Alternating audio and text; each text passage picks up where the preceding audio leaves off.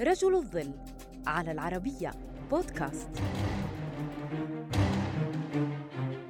من بين أخطر العملاء والجواسيس الذين انشقوا عن بلادهم كان هناك موظف يعمل في سفارة الاتحاد السوفيتي في كندا.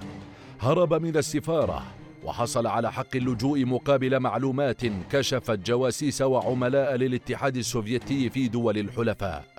وكان شرارة الحرب الباردة التي أرقت العالم وانتهت بسقوط الاتحاد السوفيتي. ولد إيغور جوزينكو في روسيا عام 1919 وتوفي والده وهو يقاتل مع الجيش الأحمر خلال الحرب الأهلية الروسية. وعندما كان طالبا اندلعت الحرب العالمية الثانية وغزا النازيون الاتحاد السوفيتي فتم تجنيده في الجيش الأحمر.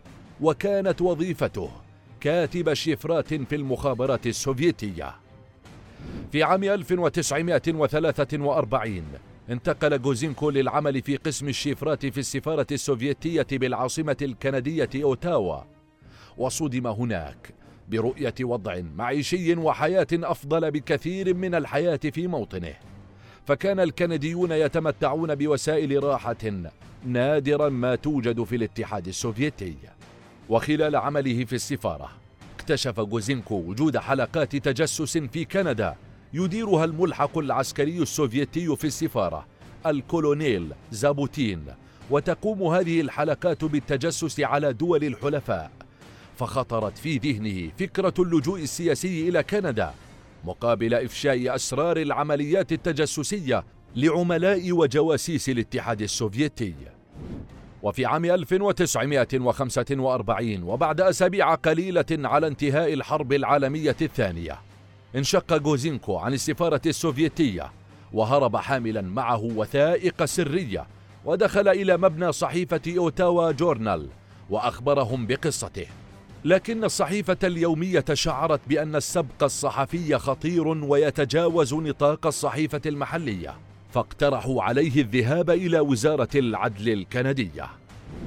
عرف جوزينكو أن أي تأخير قد يتسبب في وفاته فذهب في اليوم التالي وقابل موظفين في وزارة العدل وأخبروا وزير العدل الكندي لويس سانت لوران بالأمر لكن الوزير لم يتمكن من اتخاذ إجراء فوري نظرا للعلاقات الدبلوماسية الممتازة مع الاتحاد السوفيتي في ذلك الوقت.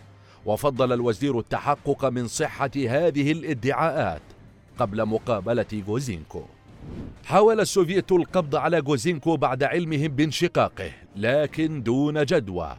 فقد حصل جوزينكو وعائلته على حق اللجوء السياسي إلا أن قضية التجسس ظلت سرية لعدة أشهر حتى استطاعت الحكومة الكندية جمع الأدلة واستخدمت بعدها قانون تدابير الحرب كمسوغ قانوني. وقاموا في شهر فبراير عام 1946 باعتقال ثلاثة عشر شخصا مشتبها بهم. وأدين سبعة أشخاص. وبعد شهر واحد قبضوا على ستة وعشرين شخصا كنديا متهمين جميعهم بالتجسس. وأدين أحد عشر شخصا منهم بما في ذلك عضو البرلمان الكندي فريد روزنبرغ.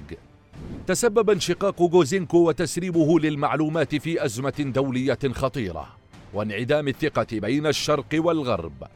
واعتبر المؤرخون هذا الانشقاق بداية الحرب الباردة التي انتهت بسقوط الاتحاد السوفيتي في عام 1991